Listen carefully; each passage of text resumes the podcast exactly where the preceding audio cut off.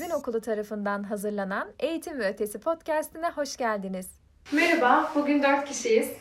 Özel bir yayın olacak çünkü biz de farklı bir kimliğimizle e, bugün başlamış olacağız. Ben tohum elçisi Sidar. Ben de tohum elçisi Hilal. Konuklarımız ise Tohum Çemberi Yöneticisi Saman Işık ve Özel Sizin Okulu Yönetim Kurulu Başkanı ve Tohum Çemberi Lideri Can Vuran. Hoş geldiniz.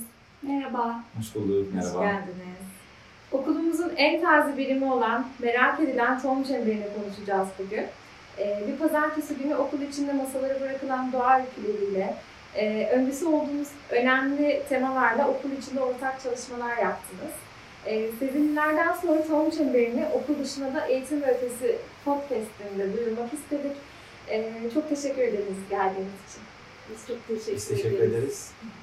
Ee, 1963 yılından beri eğitimine devam eden okulumuzun çağa ayak uydurmak adına ve en sevdiğim mottolarımızdan olan biriktirilen alışkanlıklar ve araçlarda ortaklaşmak adına oluşturulan yeniliklerin başında geliyor diyebiliriz Tohum Çemberi için. Şimdi ise çemberin felsefesini, yolculuğunu ve neyi hedeflediklerini birinci ağızdan sizlerden dinleyeceğiz. Ee, Can Bey sizinle başlayacak olursak biliyoruz ki sizin aslında sizin çok uzun e, bir yolculuğunuz. Bir de sizden dinlemek istiyoruz sizin yolculuğunu. Evet, sizin yolculuğu e, benim için aslında bir e, ana sınıf öğrencisi olarak başladı. Hı hı. E, sonrasında 5. sınıftan e, mezun olduktan sonra ve e, 2000 e, üniversite ve e, master sonrasında aslında 2004 yılında tekrar e, kuruma dönerek e, bilgi işlem bölüm başkanı olarak e, görev almamla beraber aslında sizindeki profesyonel yolculuğum başladı. Hı hı. E, burada hem e, okulumuzun e, üçüncü nesil e, temsilcisi olarak e, aslında e, bir yandan da e, farklı kademelerde e, görev alarak bugüne kadar aslında e, gelmiş bulunuyorum. 2018 yılından beri yönetim kurulu e, başkanlığını sürdürüyorum. Bu şekilde kabaca. Teşekkür ederiz. Ee, çember kavramına dönelim istiyorum şimdi de. Aslında biz çember kavramını okulumuzda kısa ve uzun soluklu şekillerde kullanıyorduk farklı alanlarda. Ee, geçtiğimiz yazda tohum elçileri başlama buluşunda çember kavramını metaforik açıdan tartışmıştık. Hı hı. Ee, siz çemberi nasıl aktarıyorsunuz, tanımlıyorsunuz? E, çember aslında çok güzel bir metafor. Yani böyle bir e, daire etrafında bir araya gelmeyi temsil ediyor. E, biraz aslında bu son iki seneki fark, iki sene içerisindeki farkındalıklarımızla e, okulun e, bir bütün olarak, organizasyon olarak e, yaşamını sürdürürken bir yandan da e, daha esnek, farklı şapkalarda aslında insanlar nasıl bir araya gelir, nasıl sağlıklı bir şekilde tartışır e, noktasından ortaya çıkan bir e, metafor. E, bu şekilde şu anda da e, işte farklı alanlarda e, ihtiyaçlarımızı dinleyerek e, bunlara nasıl çözüm üreteceğimizi aslında hep birlikte ortaklaşıp e, bu alanlarda farklı farklı e, çember oluşumlarını e, deneyimliyoruz. Evet. Aslında bir yandan tam da hedeflerinizi e, anlatmış oluyorsunuz böylelikle ama sizinde neyi daha çok hedefliyoruz? Tohum Çemberi'nin oluşum hedefi nasıl başladı? Hikayesi nasıl başladı? Tohum Çemberi'nin hikayesi aslında yine e, işte 2020 Mart ayında bu yaşadığımız e, virüsün e, etkileriyle beraber 13 Mart'tı onu hiç unutmuyorum. Evet. Kara gün. E, kara gün. E, tabii o sırada böyle hızlıca önlemler aldık tabii ki de yani sonuçta bu bir e, acil e, bir durumdu. Fakat biraz su- sular durulmaya başlayınca Temmuz ayına doğru e, biraz daha sakinleşip bir araya gelip bir e, iki günlük uzun bir e, çalışma yaptık bütün e, üst yönetim ve gönüllü öğretmenlerimizle birlikte. E, ve oradan aslında çıkan e, çok önemli e, ihtiyaçlar ortaya çıktı. E, burada bunların başında aslında bağ kurmak vardı. e, işte bundan e, onun neticesi olarak bir sezin postası Evet. e, ortaya çıktı ve e, işte sınıf, sınıflarına gelemeyen e, ki bu o sırada da belli değildi. Temmuz'da biz bunu yapmaya başladık ve işte Eylül ayı ile beraber e, sınıflarına gelemeyen birinci sınıf öğrencilerimize e, aslında okulu nasıl götürebiliriz? O duyguyu ve bağı o ev ortamındaki öğrenciye nasıl dokunabiliriz gibi bir yerden bir çıktığımız oldu. Bu çok kıymetliydi.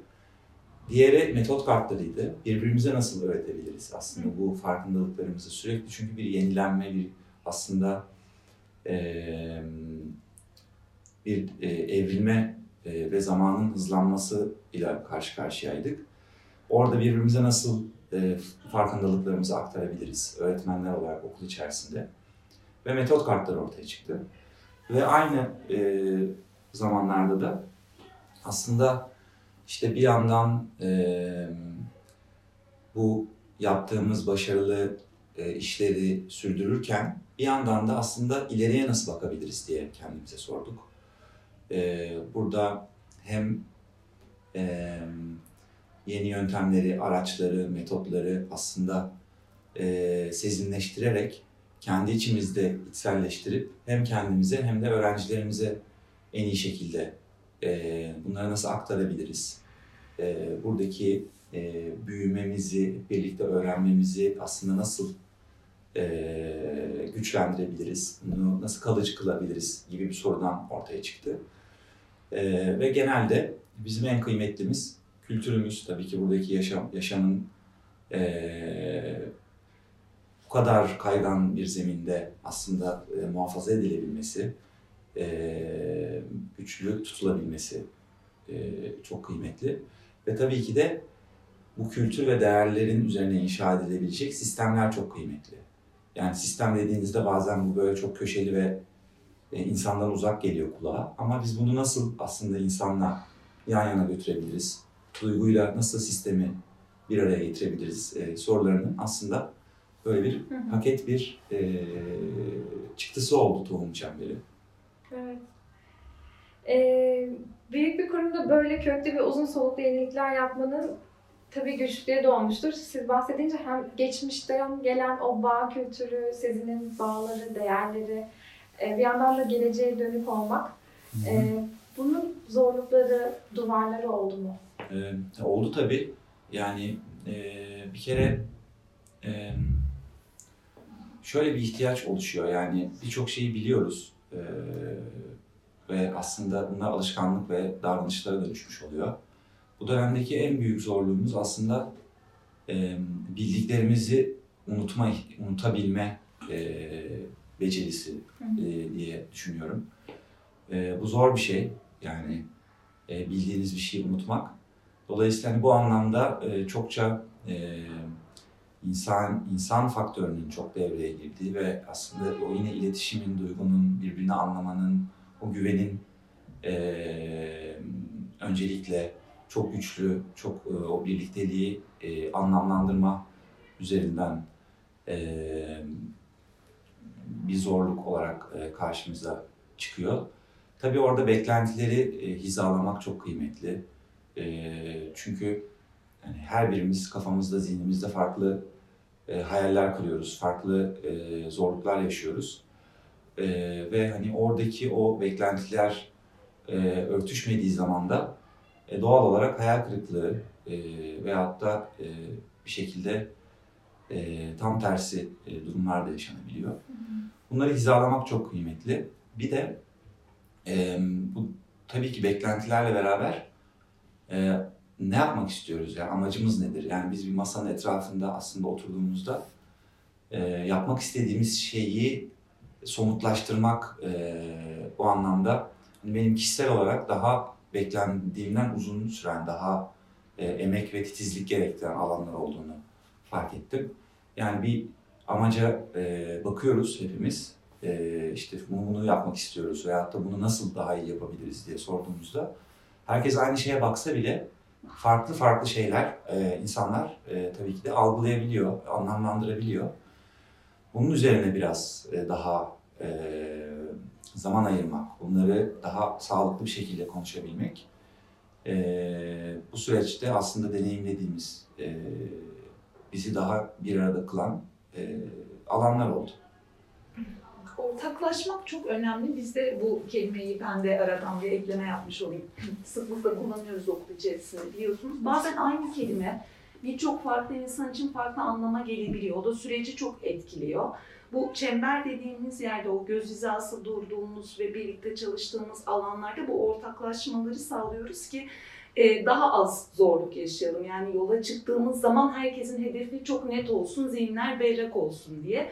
Belki de bu zorluk alanlarında bize en destekleyici olan şey bu bakış açısı oldu diye Hı hı. düşünüyorum. Önce ortak e, bir noktadan yola başlıyoruz her zaman. Teşekkür ederiz. Tekrardan sizinle devam edelim Taman Hocam öyleyse. E, tohum çemberinin ismi çok dikkat çekici. E, beni de bu bilimde en çok etkileyen e, şeylerden biriydi açıkçası tohum kelimesi. Çok güzel değil mi? Evet. Hatta bütün buluşmalarımızda da ben sık sık dile getiririm bu kelimenin beni çok e, beslediğini ve çok özel geldiğini. E, peki sizin için neyi ifade ediyor tohum kelimesi? Neden tohum? Evet yani siz aslında iki hikaye anlatıcısısınız aynı zamanda. Ben bunu biliyorum. Hani tohum masallarda da çok geçen bir metafor. Bence de çok güçlü bir isim. Ee, gerçekten beni de etkiliyor. Burada bir e, doğaya bir e, doğal döngüyü de ifade ettiğini düşünüyorum. Tohumun yapmak istediği şey e, ilk önce buraya bir tohum ekelim ihtiyacını fark etmek aslında tohum çemberinin. Buraya e, bir besleme yapmaya ihtiyacımız var.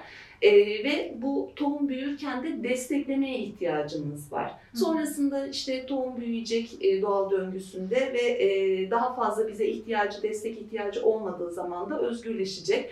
Hani bu metaforik anlamın bizim yapmak istediğimiz şeye çok uyumlu olduğunu düşünüyorum. Yine Can Bey'in bahsettiği belki bizim çalışmalarımız için böyle bir mihenk taşı olmuştu Sezin Postası. Çünkü böyle baktığımız zaman biz çok yaratıcı oluyoruz. Dört bambaşka şapkadan insan aynı masaya oturup e, yaratıcı çözümler üretmeye çalıştığında ortaya harika şeyler çıkıyor diye e, hayal etmeye başladığımızda ilk Sezin postasında bu tohum metaforunu kullanmıştık. Sonra da çok hoşumuza gidince e, bu bilimin adının tohum çemberi olarak devam etmesini istedik. Gerçekten başka hangi isim olabilir diye düşündüğümde ben asla başka hiçbir şey bulamıyorum. Cuk oturmuş bir kelime, tohum. Çok güzel. Evet, tohum çemberi okulda her çeyrek için bir tema belirleyerek ilerliyor. Sizin de umutla başladık ve sizinle birlikteyle devam ettik. Şimdi ise sizin de empatiyle aslında şimdi dediğim hatta bir iki bin oldu. Evet. Ee, duyurmuş Siz önceden biliyordunuz. Evet. Tohum gençlerimiz olarak birlikte tasarladık. Ve bu kapsamda da çeşitli çalışmalar yapıldı, seminerler düzenlendi. Ee, nasıl umutlu bir gelecek tasarlarız, birlikte nasıl çalışırız başlıklarında hep beraber buluştuk. Ee, bir eğitim kurumunda aslında bu başlıkları konuşmak bir yandan da insanlara acaba neler oluyor gibi soruları da getirebilir. Ki şahsen ben okul dışındaki arkadaş çevremde tohum elçisiyim dediğimde hemen nasıl yani ne demek oluyor tohum elçisi derken Sosyal başka sorumluluk bir gibi. gibi. Evet. Ee, büyük bir emek var bu tüm çalışmaların arkasında bahsettiğimiz gibi farklı şapkalar ve ortaklaşa oturulan tüm masalarda. Ee, biraz bu temalardan da bize bahseder misiniz? Neye göre planlanıyor? Ee, yani doğru ihtiyaç analizi yapmaya çok önem veriyoruz. Burada aslında siz süreci çok iyi biliyorsunuz. Öncelikle en fazla birlikte karar verdiğimiz ve en fazla dinlediğimiz tohum elçilerimiz var. Bizlerle birlikte okulun içerisinde gönüllü olarak çalışan 8 öğretmenimiz. Ee, kendimize bir motto belirledik. Biz ne istiyoruz? Sezin Okulu'nda nakıl- nasıl bir ekosistemde yaşamak istiyoruz diye ve kendi problemlerine yaratıcı çözümler üreten bir kültür tasarlamak istiyoruz dedik. Yani bu bence gerçekten böyle süreci çok sade, net anlatan, hedefimizi çok güzel anlatan bir cümle. Bunu kendimize hedef olarak aldığımız zaman bazı ihtiyaçlar ortaya çıkıyor. Bir insanın ilk önce o problemi fark etmesi lazım. Probleme olumlu bir açıdan bakması lazım. Görmezden gelmemesi lazım. Yaratıcı çözüm üretebilmesi için bazı yetkinliklere ve bakış açılarına sahip olması lazım ve e, bunu bir kültür tasarımı olarak görmek lazım gibi. E, buradan bazı başlıklar çıkardık. Öncelikle sizlere sorduk biliyorsunuz. Sonrasında e, tüm okulda ortaklaştık. Önce e, çeşitli müzakereler de yapıyoruz. E, farklı fikirleri daha fazla toparlayabilmek adına. Ve dedik ki evet pandemi dönemi yorucuydu. Ama burası okul ve okula dönmek harika bir umut. Tekrar çocukları görmek, onların dönebilmeye şahit olmak ve bizim daha da fazla umuda, umudu yeşertmeye ihtiyacımız var. İlk adımımız bu olmalı. Bunda ortaklaşalım ve o yüzden umutla başlamak istedik. Ee, bizimle benzer farklı kurum kuruluşların da umutla başladığını fark ettik sonrasında yıla. Bunlardan bir tanesi sizin podcast yaptığınız İstanbul Devlet Opera Balesi'ydi. Suat Arıkan da benzer cümleler kurdu Evet. diye hatırlıyorum. Yani bu ihtiyaç gerçekten insanın içinde var kapandık, yorulduk, sıkıldık ve e, artık bir umut e, ihtiyacımız vardı. E, bunu tasarlarken de bu tema süreçlerini, evet burada bir kültür tasarımı var, bir eğitim düzenlemek ya da atölye düzenlemek kolay. Yani bu hemen hemen bütün okulların yaptığı, yapacağı, alışılagelmiş bir süreç ama biz buna biraz daha yaratıcı ve farklı bir taraftan bakmak istedik. Yani buna bir zaman ayıralım ve bu zaman diliminde kurum içerisindeki herkesin desteğiyle, katkısıyla, geri bildirimiyle bu fikirleri, bakışları insanlara aktarabilmenin işte sınıf içi işbirliklerinden K12 projelere kadar yollarını arayalım. Ee, yani okula girdiğimiz zaman gördüğümüz panolarda da umut vardı, podcastimizde de vardı, sohbetlerimizde de vardı. Bizim rutin okulu yürütmek için tasarladığımız buluşmalarda da bu konuşuluyordu. Bir e, kültürün bakış açısından ancak bu çok yönlülükle içimize sineceğini düşündük.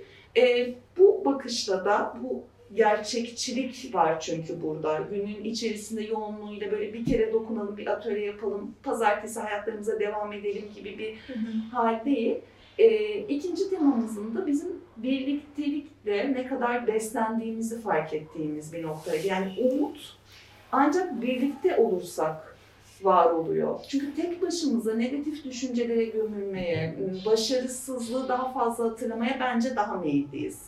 Ee, birbirimizi güçlendiren bir kültürdeyiz ve bu topluluk olma halinden de çok gurur duyuyoruz Sezin Okulu'nda. O yüzden Sezin'de birlikte diye ikinci çeyrekte devam ettik. Ee, birlikte evet e, sizinle birlikte çalışırken bu topluluk olmak nedir? Biz bundan ne anlıyoruz? Öğrencilerimizi nasıl beslemeliyiz? Bu çok önemli bir soru. Yani bizim kendi öğrenciliğimizde duymadığımız bazı kavramların eksikliklerini, zorluklarını bugün yetişkin hayatımızda yaşıyoruz diye düşünüyorum. Ee, onların bu zorlukları yaşamaması için, onlar bir masanın etrafında toplandıklarında nasıl daha kolay karar alabilsinler, nasıl e, daha e, içlerine sinerek e, iş yapabilsinler beraber diye böyle çok yönlü desteklediğimiz bir tema oldu sizinle birlikte. Evet burada atölyelerimizi de gerçekleştirdik. Bu atölyeler daha çok çalışma alışkanlıklarımızda ortaklaşmak adına yaptıklarımızdı. Sonrasında aslında da o demin de bahsettiğimiz o değer odaklı sistemleri aslında bütün bütünle e, paylaştığımız ve yaşamımıza soktuğumuz bir adım oldu. O, o çok kıymetli. evet, Yani o birlikte nasıl çalışırızı e, hep beraber el sıkıştığımız ve paylaştığımız ve bunu e, günlük yaşamımıza aslında e, entegre etmenin ilk adımı diyebilirim. Tabii hani bir günde e, gündüzden sabaha olan bir durum değil. E, ama çok çok e, kıymetli bütün bu farkındalıkların hep birlikte konuşulduğu ve e, o hayal edebilmeyi, birbirini dinleyebilmeyi ve o birlikte e, bunu yapabilmeyi aslında e, elle tutulur hale getirebildiğimiz bir e, alan oldu diye düşünüyorum. Çok kıymetli. evet, evet kesinlikle. Ee, üretim aşaması o atölyelerin gerçekten uzun sürdü ve çok güzel içimize sindi Can Bey'in eklediği gibi. Çünkü orada böyle bir e, el sıkışma hali çok kıymetli. Yani bundan sonra böyle yap- yapacağız dediğimiz zaman herkesin içine sindiği bir alanda olmasını istedik. Ee, bir yandan da şöyle bir mottomuz vardı atölyelerde. Hata yaparak yapacağız, eğlenerek yapacağız, keyifle yapacağız, acele olmadan yapacağız diye. Böyle e, tüm o düşündüklerimizi gerçekten içimize sinerek aktarabildiğimiz bir süreç oldu. E, ve ilk dönemimizi bu iki temayla tamamladık. Hı hı. Şimdi biliyorsunuz sizinle tasarladığımız için öncesinden artık tüm e, okulumuzun da e, paylaştığımız bir sizin de empati temamız var. Evet. e, yani aslında burada e, tohum çemberi herkesin sesi olarak ya da herkesi duyarak hepimize farklı bakış açıları kazandırdı. E, biraz da bu bakış açılarının eğitim kurumlarına faydalarından, farkındalıktan bahsedelim istiyorum. 21. yüzyıl yetkinlikleri arasında görülen çağımızın en geçerli fikir geliştirme ve problem çözme metodolojisi olan tasarım odaklı düşünme ile tasarım odaklı bakış açısının eğitim kurumlarına neler sağladığını düşünüyorsunuz? E, yani insan olarak bana ne sağlıyor öncesinde belki doğru bir şekilde anlatmama yardımcı olabilir. Biz bu temaları birbirini besleyen bir yerden kurgulamaya çok gayret ediyoruz. Yani e, birlikte dedik ve birlikteliğin aslında e, en önemli unsurlarından biri empati yapmak dedik. E, bu empatinin de aslında uzun vadede bizim e, gerçekten insan odaklı bakışımıza destekçi olabilecek bir alana evrilmesini istiyoruz. E, çünkü bu bir düşünme stratejisi aslında ama düşünmeyi alışılagelmiş kalıplardan çıkaran bir noktada. Çünkü evet yani o pandemi döneminin şokunu hepimiz birlikte hatırlarız. O çok A'dan B'ye giden yollarla düşünmek karşılık bulmuyor artık dünyada. Çok daha kompleks yapılar, çok daha kompleks problemler var. Her birimizin eee, katkı sağlaması gereken alanlarda, çok güzel soru, çocuk sesleri geliyor arkadan. Bence çok daha keyifli olacak onların sesleriyle. Nereye gidiyorlar acaba? Ee, burada şunu söylüyor tasarım odaklı düşünce. Öncelikle sorunu çok iyi gözlemlemen lazım. Ve gözlemlerin sonucunda da yaratıcı çözümler üretebilmen için belirli basamaklar sana öneriyor. Ee, ve e, direkt çözüme gitmek yerine biraz problemle baş başa kalmanı sağlıyor. Doğru soruyu sor. Acaba doğru soruyu mu soruyorsun? Çünkü eğer çok sonuç odaklı bir soru sorarsak zaten elimizde iki Evet. tane olası Elimizde çözüm en kalıyor. zorlandığımız anlardan Evet. biriydi. Doğruyu Çözüm sormak. odaklı düşünme, çözüm odaklı düşünme diye Evet. kendimize hep uyarıyorduk. Evet, ben bunun gerçekten karşımdakini e, zorladığının farkındayım. Artık söylerken de çekiniyorum. Size de bunu söylemiştim. Bunu devamlı söylüyorum. Umarım sizi zorlamıyorumdur diye. Ama direkt çözüme gitmek bence e, bizim çağımızdaki yetişkinlerin bir sorunu, bir dura- duraksamadan e, bunun çok e, kendi adıma e, faydalı olduğunu düşünüyorum. E, eğitim kurumlarında da elbette e, çok küçük yaşta bu tür bakışların elde edilmesi aslında daha kolay. Onlar çok daha gülümsüzler. Ee, uzun vadede dünyanın getirdiği bu kompleks problemlere çok daha e, yaratıcı bakışla bakabilmesi için e, öğrencilerimizin, çocuklarımızın e, bu tür anlayışları e, uluslararası aranda pek çok okulda artık müfredatlara eklendiğini, çalışmalar yapıldığını da biliyoruz. Tohum Çemberi yaklaşık 6 aydır resmi olarak okulumuzda ve çember tarafından iyileştirmeler, güçlendirmeler yapılıyor. Ee, ve temalar tarafından da farkındalıklarımız art, arttı. Neler güçlendi sizinle? Nasıl bir kolaylaştırıcılık sağlıyor bize tohum? Ee, aslında e, burada e, siz iki tohum çemberi elçisi olarak e, daha güzel yanıt verebilirsiniz diye düşünüyorum. Destek olmak isterseniz bize. Tabii. Ben başlayayım o zaman. Siz eklemelerle devam ederiz. Ee, bizler aslında Tomartis olarak küçük de bir grubuz. Ee, genel olarak hedefimiz de disiplinler arası çalışma alanları açmak ve bilgi akışına destek olmak. Ee, bunun için de bazı çalışmalar yapıyoruz. Ee, yapılan çalışmalar sonucunda da biriktirdiğimiz sonuçları her haftaki e, tohum çemberi buluşmalarında sizlere iletiyoruz. Ee, aslında okul içerisinde istediğimiz herkese göz hizasında olmak, herkesin sesi olmak ve herkesi duymak. E, bununla birlikte de aldığımız geri dönüşlerle de e, yine iyileştirmeler yapılması konusunda da köprü görevi üstleniyoruz. E, bunun yanı sıra da bahsettiğiniz temalar var. O temalarda çalışma metotlarında, tohumla birlikte oluşturulan yeni bakış açılarının yaygınlaştırılmasında kolaylaştırıcılık yapıyoruz. E, aslında kısaca özetleyecek olursam da köprü görevi üstleniyoruz biz tohum elçileri olarak. Herkesi duymaya çalışıyoruz. Herkesin sesi olmaya çalışıyoruz. Bu benim için çok kıymetli. Tohum elçisi olduğum için de çok e, kendimi şanslı hissediyorum açıkçası. E, ben de elçi olarak Hilal'in söylediklerine ek söyleyeceğim şey belki e, o masada farklı şapkalardan biri olmak. Çünkü o benim yaratıcılığımı çok güçlendirdi. E, kendimi yaratıcı biri olarak görmemiştim ama tohum çemberinde olarak ve bunu aktaran biri olarak aslında fark ettim. Farkındalığımı arttırdı ve bu benim kişisel başarım için önemli bir adımdı. Ee, bunun dışında kütüphanede bir panomuz var haberler diye. Burada tohum çemberinden gelen o haberleri paylaşmak ve çocuklara aktarmak, çocukların meraklı bakışları ve hikayeleri dinlemesi de benim en sevdiğim yanlarından biri oldu. Doğadan öğrendikleriniz hikayelerini Evet. anlatıyorsun? Evet. Harika. Bir gün ben de izlemek isterim onların tepkilerini. Ee, yeni haber var mı diye bekliyorlar Harika. Ee, ve hikayeleştirilen o kavram, tüm aslında podcastimizin başından beri bahsettiğimiz her şey benim kafamda böyle hikaye gibi geliyor her şey bir yandan. Ee, o metaforlar, semboller e, beni daha güçlendiren ve duygulandıran bir taraftan da e, kısmı. O yüzden ben de Hilal gibi çok mutluyum. Seviyorum Tom Çemberi'ni. Sanki ben de şey gibi hissediyorum. Birlikte bir masal yazıyormuşuz ve oynuyormuşuz gibi. Çok keyifli gerçekten.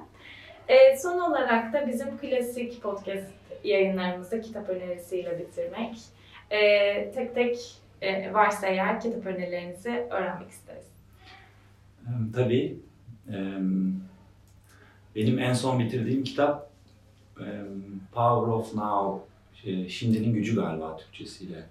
Eckhart Tolle e, yanlış hatırlamıyorsam yazarı. evet tam öyle mi okunuyor bilmiyorum. Evet. ama Ee, bu e, beni çok etkiledi.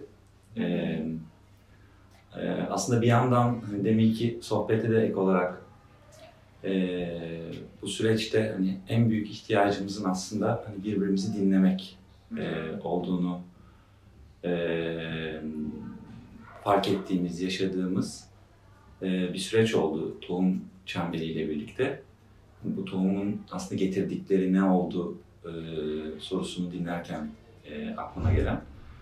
E, bir yandan hani bahsettiğim e, bildiklerimizi unutmak, e, kendimizi fark edebilmek e, ve aslında bunu birbirimize ifade edebilmek. Yani bu alanı açmak aslında çok kıymetli ki e, bir arada aslında yarattığımız buradaki değeri e, hem e, hem fark edebilmek, hem koruyabilmek, hem de bir yandan aslında üstüne ne koyabiliriz e, derken e, hiçbir şeyin kendi kendine olmadığını, buradaki bir e, topluluğun parçası olarak aslında her bireyin buradaki e, yolculuğa olan etkisini, katkısının e, daha iyi görüldüğünü, daha iyi anlaşıldığını ve o onun verdiği aslında o e, güven duygusunu e, ben çokça hissettiğimi söylemek istiyorum. Bu da haliyle buradaki yaşamı, kültürü aslında çok pozitif etkileyen, e, burada yine kültürle ilgili bahsettiğimiz aslında çok detaya e, tabii giremeyiz burada her şeyi detaylı bir şekilde konuşmak mümkün değil ama e, en nihayetinde e, bir insanın aslında bütün olarak var olabilmesi yani beden, zihin ve ruh olarak e, var olabildiği bir yaşam alanını burada burada nasıl e, birlikte anlamlandırırız e, ve gerçeklikle aslında buluştururuz yolculuğuydu.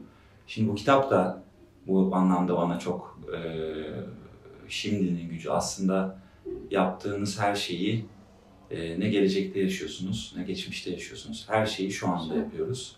Ve hakikaten bu anın hakkını vermek. e, bana bu süreçte çok iyi gelmişti. Bir de e, ben Elif hocama buradan teşekkür edeyim. E, kitapla e, Sohbet. sohbet atölyesi vesilesiyle şimdi en son e, Sapiens'i Ha, evet. e, böyle yarısının biraz fazlasını tamamlamış durumdayım. O da yine e, birçok açıdan çok kıymetli. Yani bizim işte yine bir topluluk olarak anne babalarla, öğretmenlerle bir araya gelip birbirimizi beslediğimiz, birbirimizi dinlediğimiz ve derinleştiğimiz bir alan. Bu çok kıymetli. Bir kere sadece e, bunun için kıymetli. E, diğer bir yandan bir- bana vesile olduğu için teşekkür ediyorum.